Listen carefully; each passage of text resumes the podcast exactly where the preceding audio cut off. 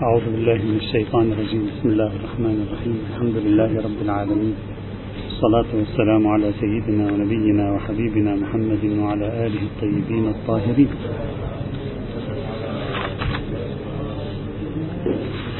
هنا نتكلم في الأدوار التي يمكن أن يقوم بها الاستقراء في المجال الشرعي. تحدثنا عن دور الاستقراء استخراج القواعد من تتبع كم كبير من الجزئيات. وتحدثنا أيضا عن إمكانية اكتشاف العلل والمقاصد من خلال الاستقراء بضم آه، فكرة إضافية تحدثنا عنها بالأمس. قلنا ربما تفتح بابا بإمكانية توظيف الاستقراء في الأبواب الفقهية المختلفة بل في الفقه كله للتوصل إلى علل وإلى مقاصد. يمكن أن تتصور. اليوم سوف أختم سنختم اليوم البحث الاستقراء ونكتفي بهذا القدر لننتقل إلى التبرير الثاني من تبريرات آه، نظرية مقاصد الشريعة أو الاجتهاد التعليلي آه، في الفقه. سأختم بدور ثالث مختصر موجز حول الاستقراء ليس في الاجتهاد التقعيدي ولا في الاجتهاد التعليلي وإنما في الاجتهاد التفسيري.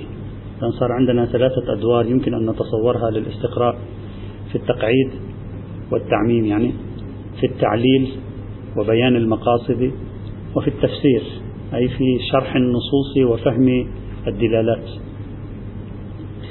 وهذا المطلب لا أظنه خفيا عنكم لكنني سأشير فيه إلى بعض الإشارات التي أعتقد بأنها مهمة. ونختم به البحث في موضوع الاستقراء. استخدام الاستقراء في فهم معاني الكلمات واستخدام الاستقراء في فهم معاني الجمل والتراكيب الموجودة في القرآن والحديث يمكن أن يكون بعدة أنحاء. النحو الأول اعتماد استقراء استعمالات العرب لمفردة أو لتركيب من التركيبات بهدف فهم النص الديني على وفق أغلب الاستعمالات. ليس هدفنا من هذا النحو الأول معرفة معاني الكلمات في اللغة العربية، نحن لا نشتغل هنا كلغة عربية الآن يعني كعلماء لغة، نريد أن نعرف ما معنى هذه المفردة عند العرب وماذا يستعمل العرب هذه المفردة للدلالة على أي معنى من المعاني. لا نبحث هنا في المجال اللغوي المجال اللغوي واضح أنه يستعمل فيه الاستقراء بل لا وجود له بدون الاستقراء أصلا نريد شيئا آخر. نحن ذهبنا إلى المعاجم اللغوية ذهبنا إلى الكتب اللغة اكتشفنا أن هذه الكلمة تستعمل في معنيين أو ثلاث. كتب جميع علماء اللغة أطبقوا على أن هذه الكلمة أو هذا التركيب أو هذه الصيغة الاشتقاقية في اللغة العربية تستخدم مثلا في ثلاثة معاني. هذا مفروغ عنه. هذا وظيفة علماء اللغة قرروه. نحن هنا عندما نواجه هذه الكلمة في الاستخدام القرآني أو في استخدام السنة. ونريد أن نعرف أي معنى هو الذي أريد من هذه الكلمة الأول أو الثاني أو الثالث. الآن هذا ليس وظيفة عالم اللغة. وظيفة عالم اللغة أن هذه الكلمة ماذا تعني العرب بها؟ يقول هذه الكلمة تعني العرب بها كذا وكذا وكذا. هذا عرفناه. الآن أريد أن أستخدم الاستقراء لأعرف ماذا يريد المتكلم في الكتاب والسنة من وراء استخدام هذه الكلمة التي لها في اللغة ثلاثة معان هذا أمر فوق الدراسة اللغوية المحضة فوق الدراسة المعجمية يعني فوق العمل الذي يقوم به علماء المعاجم المتتبعون المستقصون لاستعمالات العرب. فوق ذلك يعني مرحلة لاحقة. سأعطي مثالا لكي أقرب الفكرة. مثلا كلمة ثياب ثوب وثياب في اللغة العربية. الآن نحن نفتح المعاجم اللغوية. نجد أن هذه الكلمة تستخدم في معنى وهو عبارة عن ما يلبسه الإنسان وما يرتديه الإنسان ويضعه على جسده. هذا واضح. ونجد أيضا في المعاجم اللغوية معنى آخر لهذه الكلمة وهو عبارة عن القلب أو النفس. قلب الإنسان نفس الإنسان. هذا نجده في الاستعمالات العربية. موجود في مراجعة اللغة. مثلا هناك شعر أيضا من أشعار العرب يقول فشككت بالرمح الأصم ثيابه ليس الكريم على القنا بمحرم. يعني طعنت بالرمح الأصم. الرمح الأصم أي الرمح الصلب ثيابه. يعني قلبه.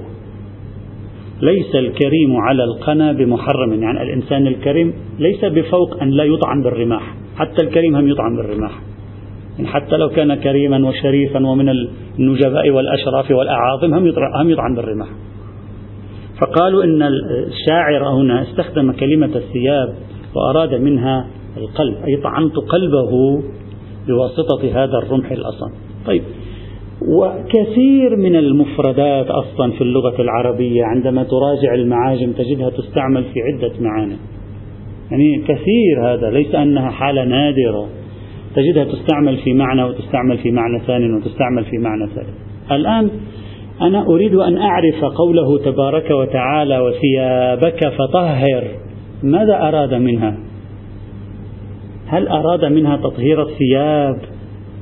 هذا محتمل جدا. هل أراد منها تطهير القلب كما قاله بعض المفسرين مستشهدا بهذا الشعر لإثبات أن الثياب تطلق في لغة العرب على القلب مثلا؟ من الذي أريد؟ أنا أسألك أنت كمفسر ما هو المعنى المراد من كلمة الثياب؟ ما دامت العرب تستعمل الاثنين معا. الاستقراء هنا هو الذي ينفعنا. نحن أصلا نستعمله من حيث لا نعرف أنه, أنه استقراء. نستقرئ استخدامات العرب لكلمة ثياب فنجد أنهم يستخدمون الكلمة في الأعم الأغلب بمعنى اللباس والرداء ونجدهم يستعملونها في الأقل الأندر بمعنى القلب من خلال استقراء أشعارهم وكلماتهم وتعابيرهم نجد هذا هو الأغلب والأكثر وهذا هو الأقل والأندر فماذا نقول؟ نقول عندما يقول المتكلم وثيابك فطهر ولا ينصب أي قرينة على أنه أراد بالثياب ذلك المعنى الأقل استعمالا في لغة العرب فإن هذا معناه أنه أراد المعنى الشائع. السبب في ذلك ما هو؟ هو أنك عندما استقرأت رأيت أن الأعم الأغلب في الاستعمال هو هذا وعندما يكون الأعم الأغلب في الاستعمال هو هذا فهذا يعني أن العرف عندما تلقى إليه الكلمة سينصرف ذهنه إلى الأعم الأغلب. لأنه هو عمليا يقوم بعملية استقرائية. يقول هو إما أراد هذا الذي احتمال إرادته 99% لأن نسبة استخدام الكلمة في الثياب هي نسبة 99% أو أراد هذا الذي هو بمعنى القلب وهو بدرجة الواحد في المئة. لأن نسبة استخدام كلمة الثياب في اللغة العربية بعد التقصي والاستقراء بمعنى القلب هي واحد في المئة. فإذا جاءتني هذه الكلمة فاحتمال إرادته منها الثياب بمعنى اللباس تكون هي الأغلب وهي التي أثق بها عادة. أنت في الحقيقة تستخدم من حيث لا تشعر عملية استقراء ناتج هذا الاستقراء تعطي فيه القوة الاحتمالية لإرادته اللباس من الرداء من الثياب لإرادته الرداء وما يستر البدن من الثياب. أنت من حيث لا تشعر تستخدمها. إذا واحدة من آليات استخدام الاستقراء في التفسير تفسير الكتاب تفسير السنة هو مراجعة المعاجم اللغوية التي تقر لي أن العرب تعرف هذه الكلمة وهذه الكلمة وهذه الكلمة. ولا يوجد عندي مؤشر أن هذا مجاز وهذا حقيقة. يعني ما في أنه أنت هذا لا هذا مجاز. لا ليس من الضرورة مجاز. موضوع المجاز احذفه الآن. هذا يستعمل وذا كان يستعمل عند العرب. ماذا ينفعني الاستقراء؟ كثرة الاستعمال أكثرية الاستعمال في هذا المعنى وأقلية الاستعمال في هذا المعنى التي حصلت عليها من خلال التتبع لاستعمالاتهم تجعلني أفترض أن المراد بهذه الكلمة هو المعنى الأعم الأغلب. وهذا هو معنى حمل اللفظ على الأعم الأغلب في اللغة العربية. ليس إلا استقراء في الحقيقة. ولذلك عندما تريد أن تفسر النص القرآني أو النص الحديث أنت دائما بحاجة إلى استقراء كلمات العرب خاصة في النصوص القرآنية. وهذه العادة التي اعتدناها أننا لم نعد نهتم بمراجعة التعابير العربية ونصوص الأدب العربي القديم واستخدامات العرب. هذه العادة التي اعتدناها اعتمادا على ما هو المركوز في أذهاننا خاصة إذا كنا عربا بحسب الأصل. هذا كله خطأ. لأن المراجعة الاستقرائية التتبعية لطريقة الاستعمال يمكن أن تعطي شيئا مختلفة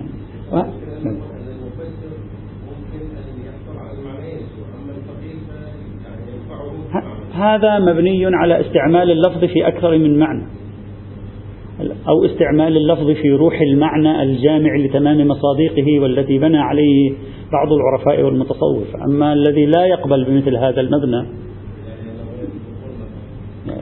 البطون بأحد معانيها ليس كما النظرية لأن نظرية البطون هم لها معان. واحد من معانيها هو هذا الشيء الذي يجعل المعنى عاما وتمام المعاني الجزئية ليست سوى مصداق وكلها مرادة.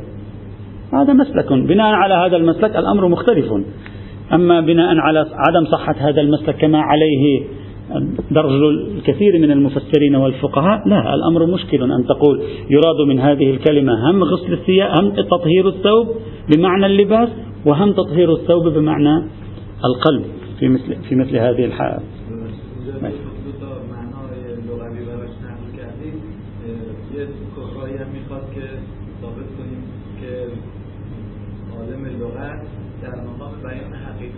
لا لا أنا لا أعرف الحقيقة والمجاز.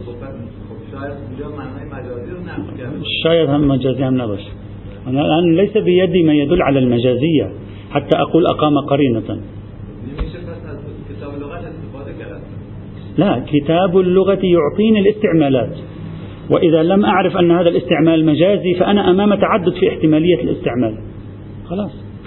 ما أجي أبقى أقول بعدين ما عندنا لا أريد أن أدخل في هذا الموضوع لكن ما في شيء اسمه أصالة الحقيقة بهذا أصلا هو أصالة الحقيقة لو ترجع إليها يا شيخنا العزيز إذا صحت إذا صحت أصالة الحقيقة وهي ليست تعب ليست إلا الاستقراء. ليست إلا أن العرب تستعمل هذه الكلمة كثيرا في هذا المعنى وقليلا في المعنى الثاني. يعني ليست إلا إذا صحت في لأن الكلام في كلام كثير في أصل صحة أصالة الحقيقة أو أو ما شابه ذلك. في كلام خاصة بين القدماء وإن كان بين المتأخرين صارت أشبه بال يعني بالمسلمة. فبصرف النظر الآن عندي استعمالات العرب تستعمل الكلمة في معاني. لا أعرف ماذا أراد المولى أي استعمال أراد المولى هنا؟ لا أدري. كل الاحتمالات مفتوحة. أحد وسائل الترجمة أقول هذه هي الوسيلة الوحيدة أو الحصرية ولا أقول هي متوفرة دائما. أقول أحد وسائل الترجيح هي هذه. لأن الذهن الإنساني مركب استقرائيا أن يقيس احتمالية استخدامه الكلمة على مجموع استخدامات الكلمة في الفضاء اللغوي. إذا كانت الكلمة مستعملة في الفضاء اللغوي التداولي لأغلبيتها الساحقة بمعنى ألف فنرجح أنه استخدمها بمعنى ألف. لماذا؟ لأنه سيتوقع أن المتلقي سوف يطبق عليها المعنى ألف. لأن معنى ألف هو أغلب الاحتمالات. فإذا أراد هو المعنى باء كان عليه أن يبين أنني لا أريد المعنى باء. هذا بهذه الخصوصية. يعني, يعني بهذه الطريقة أريد أن أرجع هذه العملية التوظيف التي نمارسها نحن. أريد أن نرجع إلى ليست إلا عملية استقرائية وبالتالي لا تستطيع أنت أن تفصلها عن أن يكون لديك خبرة في تتبع استعمالات العرب للكلمة هنا وهنا. لذلك الإمام الطبري رحمه الله في تفسيره جامع البيان يقول الواجب أن يوجه معاني كلام كلام الله إلى الأغلب الأشهر من وجوهها المعروفة عند العرب. يعني يقول لازم تشوف العرب ما هو الأشهر عندها في الاستعمال؟ هو ما معنى الأشهر؟ الأشهر ليس إلا الاستقراء في الحقيقة. يعني تكون عندك دربة على لمعرفة الأشهرية ما لم يكن بخلاف ذلك ما يجب التسليم له من حجة خبر أو عقل. يعني إلا إذا عندك قرينة تعبيرنا نحن اليوم. إذا عندك قرينة عكسية موضوع آخر. طبعا هذه الطريقة في توظيف الاستقراء في معرفة المراد الاستعمالي المراد الاستعمالي والجدي للمتكلم في النص القرآني والحديثي لها حالتان. الحالة الأولى أن تكون الغلبة بحيث يصبح إرادة معنى القلب من كلمة الثياب موجبا لاستعمال الكلمة فيه مجازا. هذه غلبة ساحقة.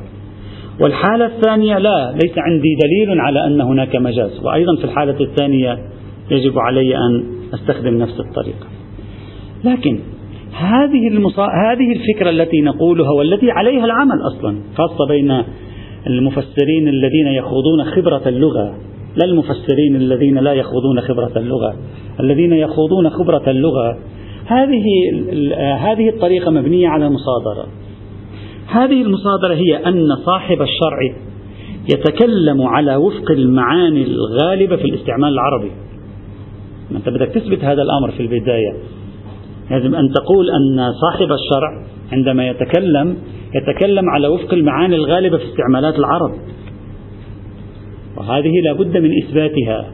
وإثباتها كيف يكون؟ يكون لو لم يكن يتكلم على وفق المعاني الغالبة في استعمالات العرب لما كان مبينا لمراده بل لكان موهما لما كان كلامه بيانا ولما كان كلامه تبليغا للحقيقة ولما كان بيانه تبليغا للشريعة. لأن المفروض أن المتلقي ذهنه مبرمج على أن يتلقى الكلمات فيفسرها على وفق استخداماته هو. ما دامت اللغة التي جاء النص يتكلم بها هي نفس لغته. وهذا طبيعي فإذا أراد المتكلم أن يستخدم غير ما هو الشائع في كلام العرب كان عليه أن ينصب مؤشرا وكان عليه أن يقول أنا عندي لغة خاصة وكان عليه أن يشرح لغته الخاصة وكان علينا أن نبحث عن لغته الخاصة حينئذ إذا هذه المصادرة ضرورية أما إذا جاءك شخص مثل بعض الفلاسفة والعرفاء وقال لك لغة القرآن لغة ما فوق عقلائية أصلا لغة ما فوق لغة. إهانة لها أن تجعلها لغة العرب أصلا. هي شيء آخر فوق تلك اللغة. عليه أن يأتي لنا بدليل على ذلك وعليه أن يقدم مقاربة يعني نظرية لإثبات هذه الدعوة العريضة الطويلة التي أشبعنا الفلاسفة والعرفاء بادعائها دون أن يقيموا في كثير من الأحيان دليلا عليها كقاعدة. وإنما تجربتهم اعتبروها دليلا عليها وفي معركة طويلة في هذا الموضوع. ما هي اللغة التي استخدمها القرآن؟ هل هي اللغة العرفية؟ هل هي اللغة غير العرفية؟ هل هي لغة العقلاء فيما بينهم؟ هل هي لغة طلسمية آه، تنتمي إلى عالم آخر غير هذا العالم الذي نتكلم نحن فيه؟ وهذا خلاف مبنائي في هذا المجال. أضف إلى ذلك ثمة مصادرة أخرى. حتى أكشف أن هذه القضية ليست على البساطة التي نحن نتصورها وهي أن ندعي أن القرآن يستخدم الغالب في لغة العرب. إذ قد يقول لك شخص إن القرآن يستخدم لا أقل في مكة يستخدم الغالب في لغة قريش. إذا كان هناك دعوة أن القرآن لا يعلم أنه يستخدم الغالب الاستعمالي في لغة العرب وإنما المحرز أنه يستخدم الغالب في لغة قريش أشكل الأمر جدا. صار علينا أن نستأنف أيضا بحثا مسبقا لنعرف أي من الاستعمالات اعتمد عليها القرآن. أي غلبة في الاستعمال اللغوي اعتمد عليها القرآن كي يبين مراداته. وهذه أيضا نقطة مهمة يجب علينا أن نكون قد بحثناها سلفا. ولذلك بعض النقاد يشكل على تفسير القرآن على أساس كتب المعاجم. مدعيا أن كتب المعاجم اعتمدت على أهل البادية في القرن الثاني والثالث الهجري ولغة أهل البادية على خلاف لغة قريش لغة الحضر.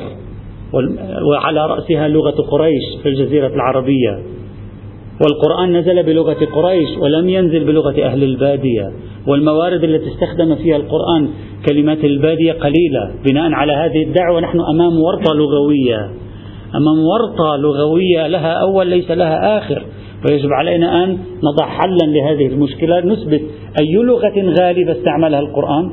هل الغلبة باستعمالات القبائل العربية برمتها؟ هل الغلبة حيث كان هو موجودا في مكة في المدينة؟ هذا ينبغي أن يكون قد بحثه المفسر والمحدث مسبقا كمصادرة لكي يبني على الغلبة مقتضاها ويجري عملية التتبع والاستقراء في مثل هذا الموضوع.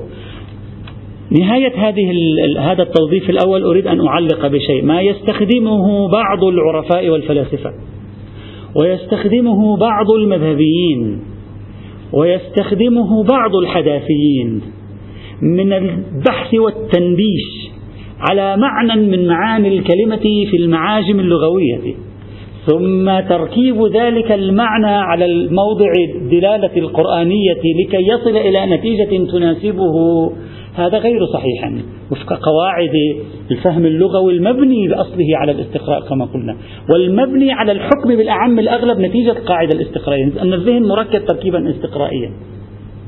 أنت بتيجي إلى ما تريد أن تعطي معنى جديد للقرآن الكريم فتذهب إلى المعاني النادرة التي يستخدمها العرب لهذه الكلمة فتفتش في المعاني النادرة على معنى تكون قد دعوت الله أن يكون موجودا في لسان العرب.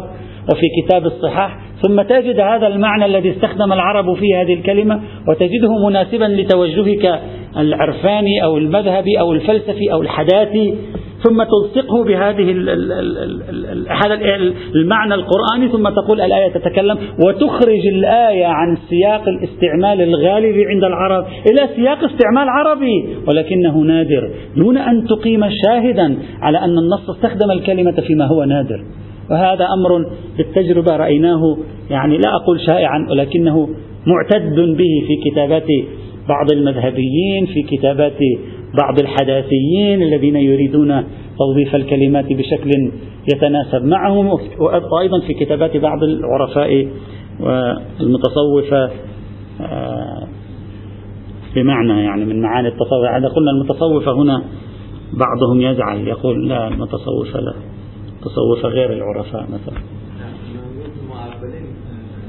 ليس أو, أو, أو يجب أن, أن نكون عندنا أصلا إذا أردنا أن نكون قادرين على أن آه، نفسر النص الكتابي والحديث في الدرجة الأولى يجب أن نكون مجتهدين في اللغة العربية. ولعل هذا هو الذي قصده الشاطبي فيما قلنا في العام الماضي أنه لا يمكنك أن لا تكون مجتهدا في اللغة العربية. يجب أن تكون مجتهد يعني ما معنى مجتهد في اللغة العربية؟ يعني أنت خائض في في الفضاء العربي القديم وكيف تخوض؟ غير بالاستقراء والتتبع غير بملامسة توظيفات هذه الكلمة في, في لغة العرب إلى جانب المعاجم بحسب ما هو متوفر. أحيانا يتوفر لك شيء كثير أحيانا لا يتوفر لك إلا القليل. وهذه من المشاكل القائمة على أي حال. هذا النحو الأول من أيحاء توظيف الاستقراء في فهم الاستعمال بل. أي مشكلة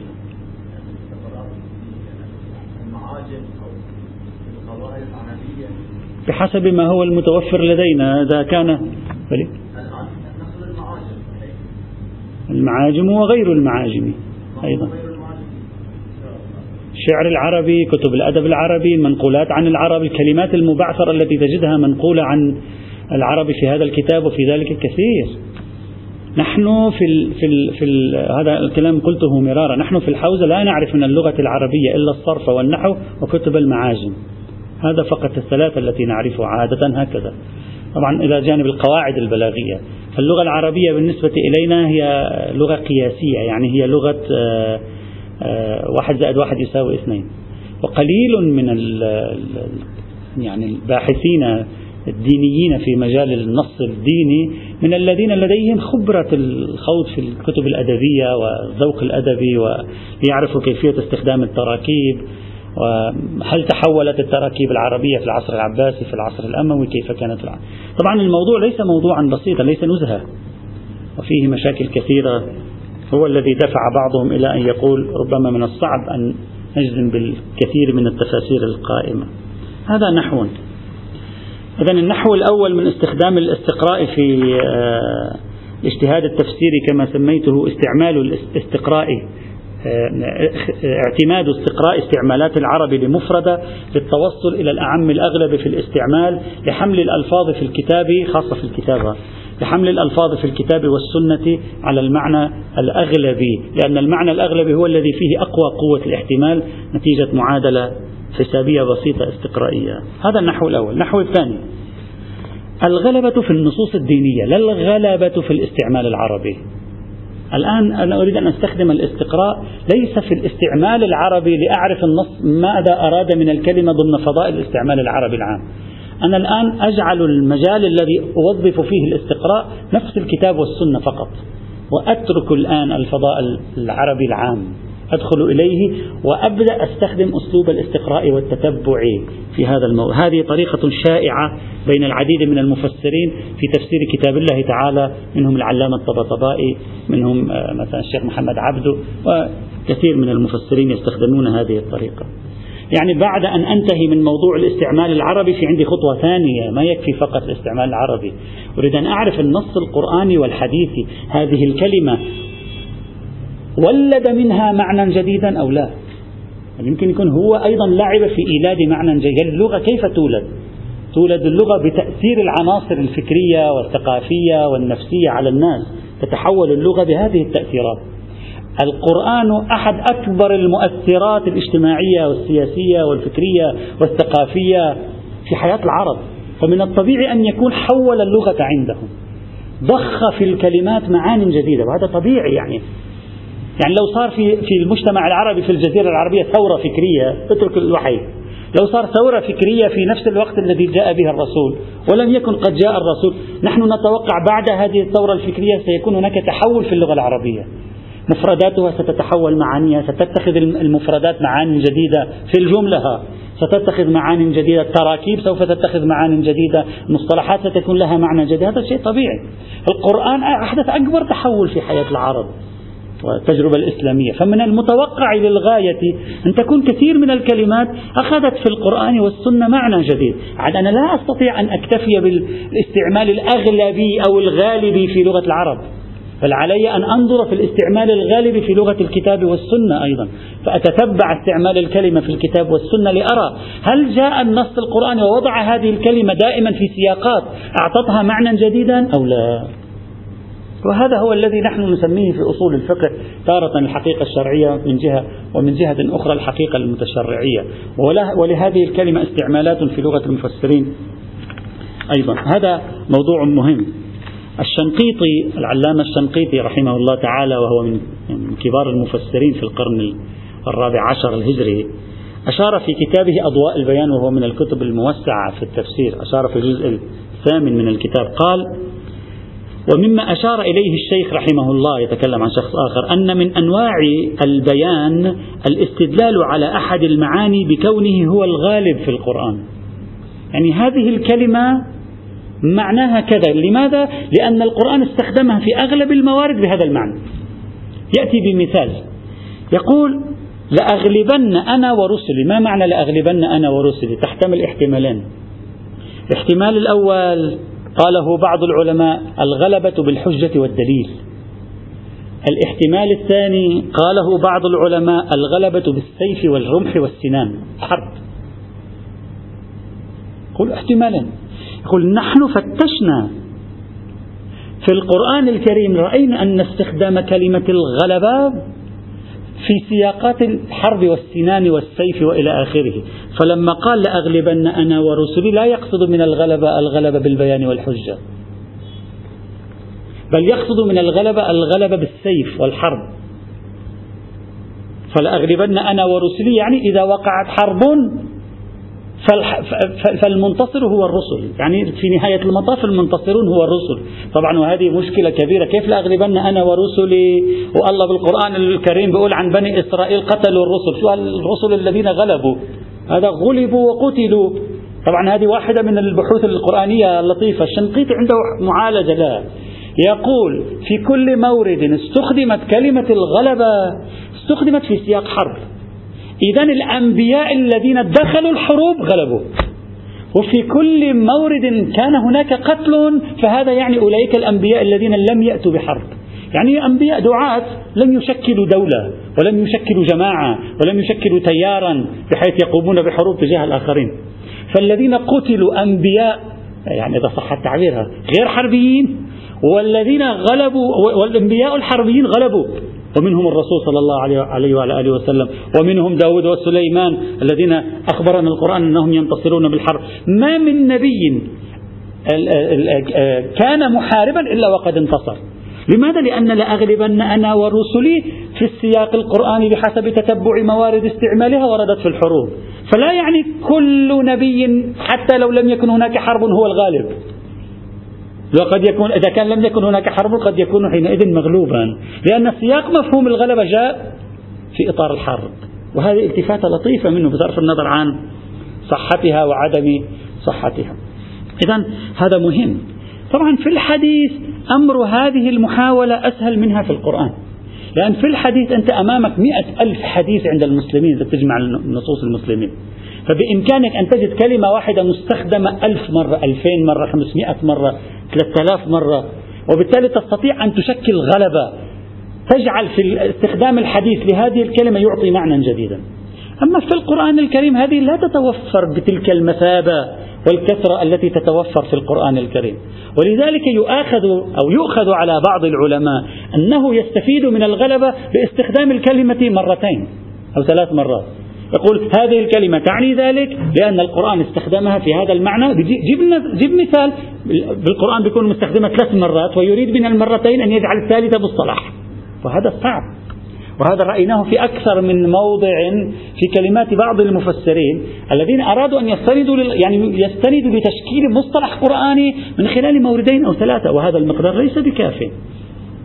إذا أردت أن المصطلح القرآني يريد أن يتولد يجب أن يتولد على فعل وفرة في الاستخدام على فعل وفرة في الاستخدام على مدة زمنية تولد في المرحلة الأخيرة من العهد المدني دلالة جديدة وليس في العهد المكي. إذا هذه القضية أيضا تأخذ شكلا حساسا في هذا المجال. طبعا بل. لا أحيانا الروايات قد لا تكون معتبرة كلها لكن أنت جمعت كمية كبيرة من الروايات. يعني لا يعقل أن تجمع لي ألف رواية ويكون بينها روايتين معتبرة. يعني في النهاية يوجد ظاهرة معتد بها. يعني إذا أنا أخذ في الحديث كلمة مثلا الكتاب ممكن أحصل على 2000 3000 موضع في الحديث استخدم كلمة الكتاب وأريد القرآن الكريم. فأقول الحديث أي النبي وأهل بيته يستخدمون الكلمة بحيث تنصرف إلى الكتاب الكريم يعني القرآن. مثلا أقول هذا هذا هذا المقصود من من أن الحديث يراكم. لا بأس. نقل بالمعنى بيصير مرة. كلهم هؤلاء اتفق نقلوا بالمعنى على هذه الكلمة ثم لو فرضنا أن كلهم اتفقوا على النقل بالمعنى بهذه الكلمة معنى ذلك أن هذه الكلمة في الإطار العربي في عصر الأئمة كان معناها ذلك.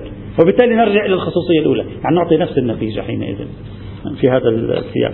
ولذلك أنا يعني, يعني آخذ على بعض المفسرين ومنهم بعض المفسرين المعاصرين ولا نريد ذكر اسمه وهو من المفسرين البارزين. أنه يركب بين الآيات القرآنية أقيسة. لا أريد أن أعطي أمثلة حتى لا ندخل فيه لأن بعض الأمثلة شوي حساس. يركب في بعض الآيات القرآنية أمثلة. والآية تقول هنا كذا تستخدم كلمة كتاب تستخدم كلمة فرقان تستخدم كلمة أرض تستخدم كلمة إمام. ثم يأتي بآية أخرى تشكل يشكل معها قياسا منطقيا ليستخرج نتيجة مثلا من النتائج. هذه الطريقة غير دقيقة مجرد تركيب كلمتين. مع بعضهما في تجيب آية في تشكل منها الصغرى وآية أخرى تشكل منها الكبرى هذا لا يثبت شيئا. لا يثبت شيئا. لماذا؟ لأنه ممكن هذه الآية استعملت الكلمة نفسها في معنى وفي الآية الثانية استعملت الكلمة في معنى آخر. ما لم تثبت لي أن مجموع الآيات شكل ولادة جديدة لهذه الكلمة بحيث نركب قياسا لا تستطيع أن تثبت شيئا في هذا المجال.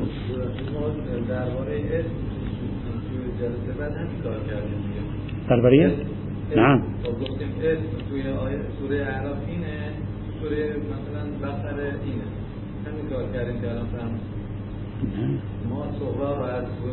بله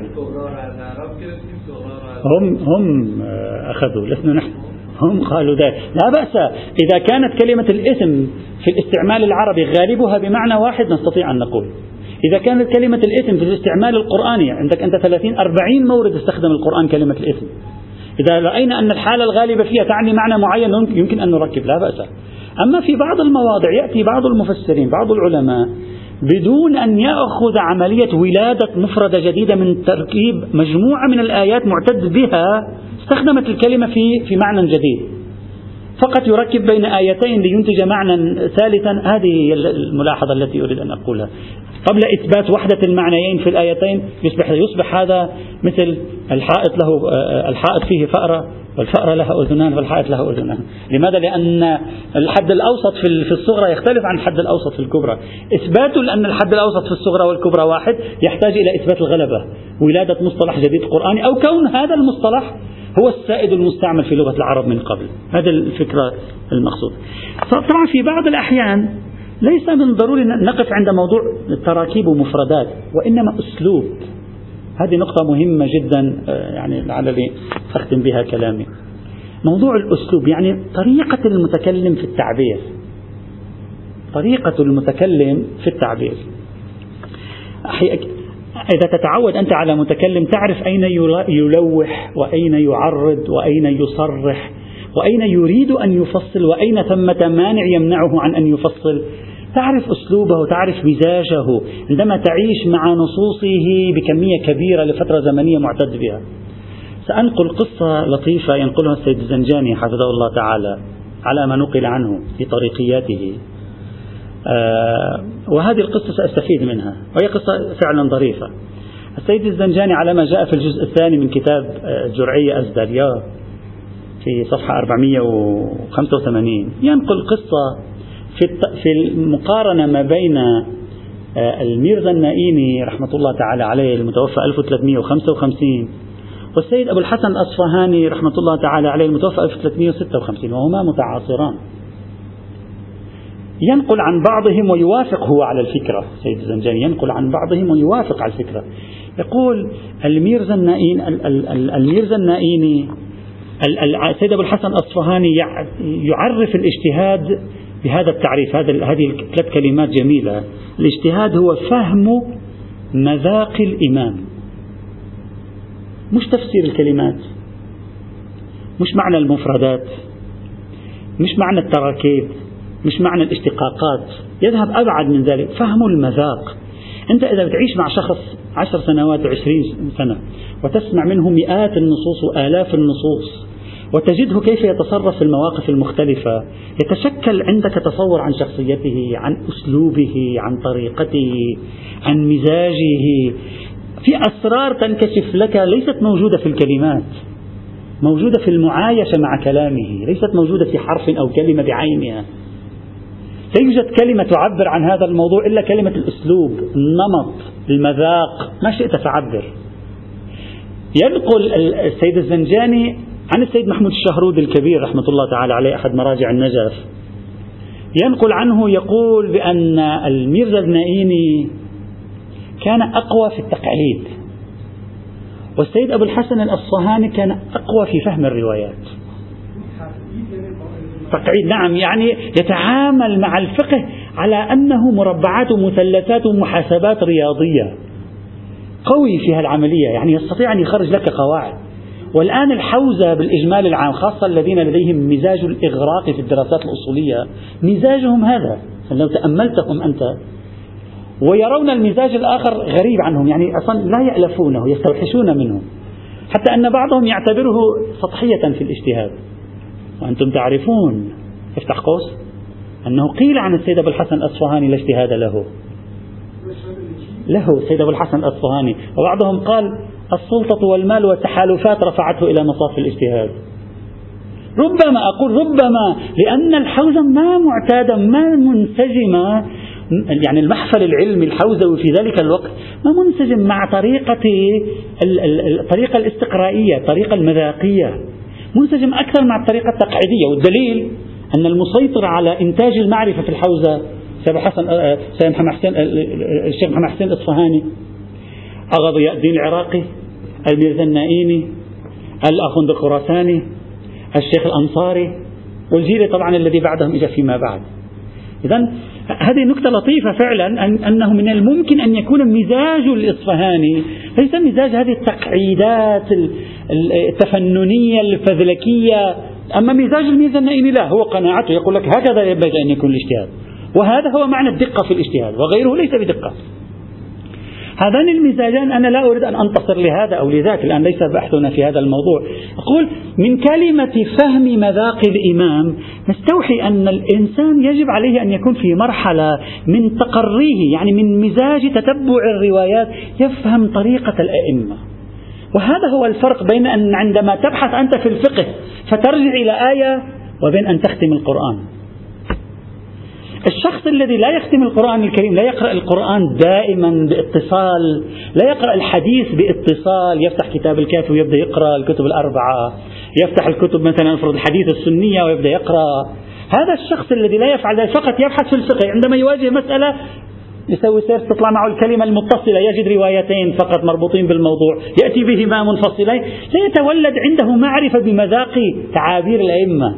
يتولد عنده هذا المزاج. هذه نقطة جدا مهمة. هذه النقطة لا تستطيع أن تكتسب أنت هذه المهارة إلا بالعيش مع النص الحديثي. أنت تقرأ حديث فقط هكذا أي حديث؟ تقرأ تمشي معه. تقرأ القرآن تختمه لا ترجع للقرآن فقط بمناسبة بحث التيمم وترجع لآية أخرى مرة ثانية بمناسبة أوفوا بالعقود. وأحيانا لا ترجع إلى الآية ترجع إلى مقطع من الآية. صحيح أو لا؟ هذه الطريقة فيها مخاطرة فيها نوع من الريسك ونحتاج إلى أن نخرج منها بطريقة أبو الحسن الإصفهاني. فهم يعني مذاق الإمام. لا تعرف إلا أن تعيش معه. كيف تعيش معه؟ تستقرئ كمية هائلة من نصوصه يتراكم في ذهنك من حيث لا تشعر هذه الإشارات. هذه لا تستطيع أن تعرفها بمحاسبة منطقية وإنما تعرفها بالممارسة. ما معنى الممارسة؟ يعني التتبع والتقرر الموجب للمراكمة الذهنية العفوية التي تؤدي إلى تحصيل فهم آخر لكلماتهم سلام الله تعالى عليهم. وهذه نقطة مهمة. لذلك آه، إذا أردت وهذا هو التعيير الذي أو هذه المؤاخذة التي كتبها العلامة الطبطبائي في الميزان في الجزء الخامس على ما أذكر. قال قد يصبح شخص مجتهدا مطلقا في الفقه والأصول ولكنه لم يقرأ القرآن دورة واحدة. يعني من أوله إلى آخره. لماذا؟ لأنهم شعروا أنهم ليسوا بحاجة إلى في الاجتهاد إلى أن تقرأ القرآن كله. بس تقرأ آيات الأحكام. كيف تقرأها؟ تقرأها هكذا مثل واحد يتصيد الآن أنا أصطاد السمك الفلاني أتصيد هذا السمك فقط. آتي بالآية التي هي في موضوع بحثي. وهذا هم فيه فوائد وتلك أيضا فيها وهذا معنى الأنس. مع الكتاب والسنة. يعني دربة الأنس مع الكتاب والسنة هي دربة استقرائية في الحقيقة. أن تتأملوا في هذا الموضوع ليس سوى دربة استقرائية في هذا المجال. إذا فالاستقراء في مجال التفسير هذا التتبع الدائم في مجال التفسير مهم للغاية لمعرفة مرادات المتكلم طريقة المتكلم. وإذا الإخوة يذكرون أختم بهذا إذا الإخوة يذكرون في درس الرجال عندما توقفنا فترة طويلة عند المصطلحات الرجالية قلنا بأنه لا يوجد عندنا كتاب تقريبا القرن السابع الهجري أو السادس الهجري سابع ثامن هجري يوجد عندنا كتاب تعريف بالمصطلحات الرجالية. مثلا ما معنى ثقة في كتب الرجالية؟ ما نعرف. يعني ما في كتاب يكتب لك ما معنى. هذا بعدين بعد سبع ثمانية تسعة قرون من وفاة النبي بعد أربع خمس قرون من ولادة علم الرجال بدأت تجي الكتب تقول ثقة يعني كذا. ضعيف في الحديث يعني كذا. مثلا مدلس يعني كذا. وإلا كلمات لغوية عربية. ماذا فعل العلماء الرجال المتأخرون ليعرفوا استخدامات الرجاليين المتقدمين؟ بدأوا يتتبعون. كيف يستخدمون هذه الكلمة في كتبهم الرجالية؟ ولذلك يستقصون. هذه الكلمة يستقصون في جميع الكتب الرجالية موارد استخدامها ثم يستنتجون مع المعنى المراد لل المعنى المراد للرجالي من ورائها وليس هذا إلا الطريقة الاستقرائية. هذا هو الذي نحتاجه أيضا في عملية فهم الكتاب والسنة. أختم بهذا ونبدأ إن شاء الله يوم السبت لأن غدا معذرة لا أستطيع أن أتي عندي آه، عمل إداري ضروري آه، فإن شاء الله يوم السبت هم فقه هم أصول إن شاء الله. والحمد لله رب العالمين.